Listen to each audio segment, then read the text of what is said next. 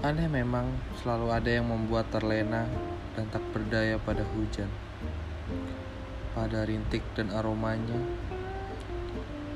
Pada bunyi dan melankolisnya.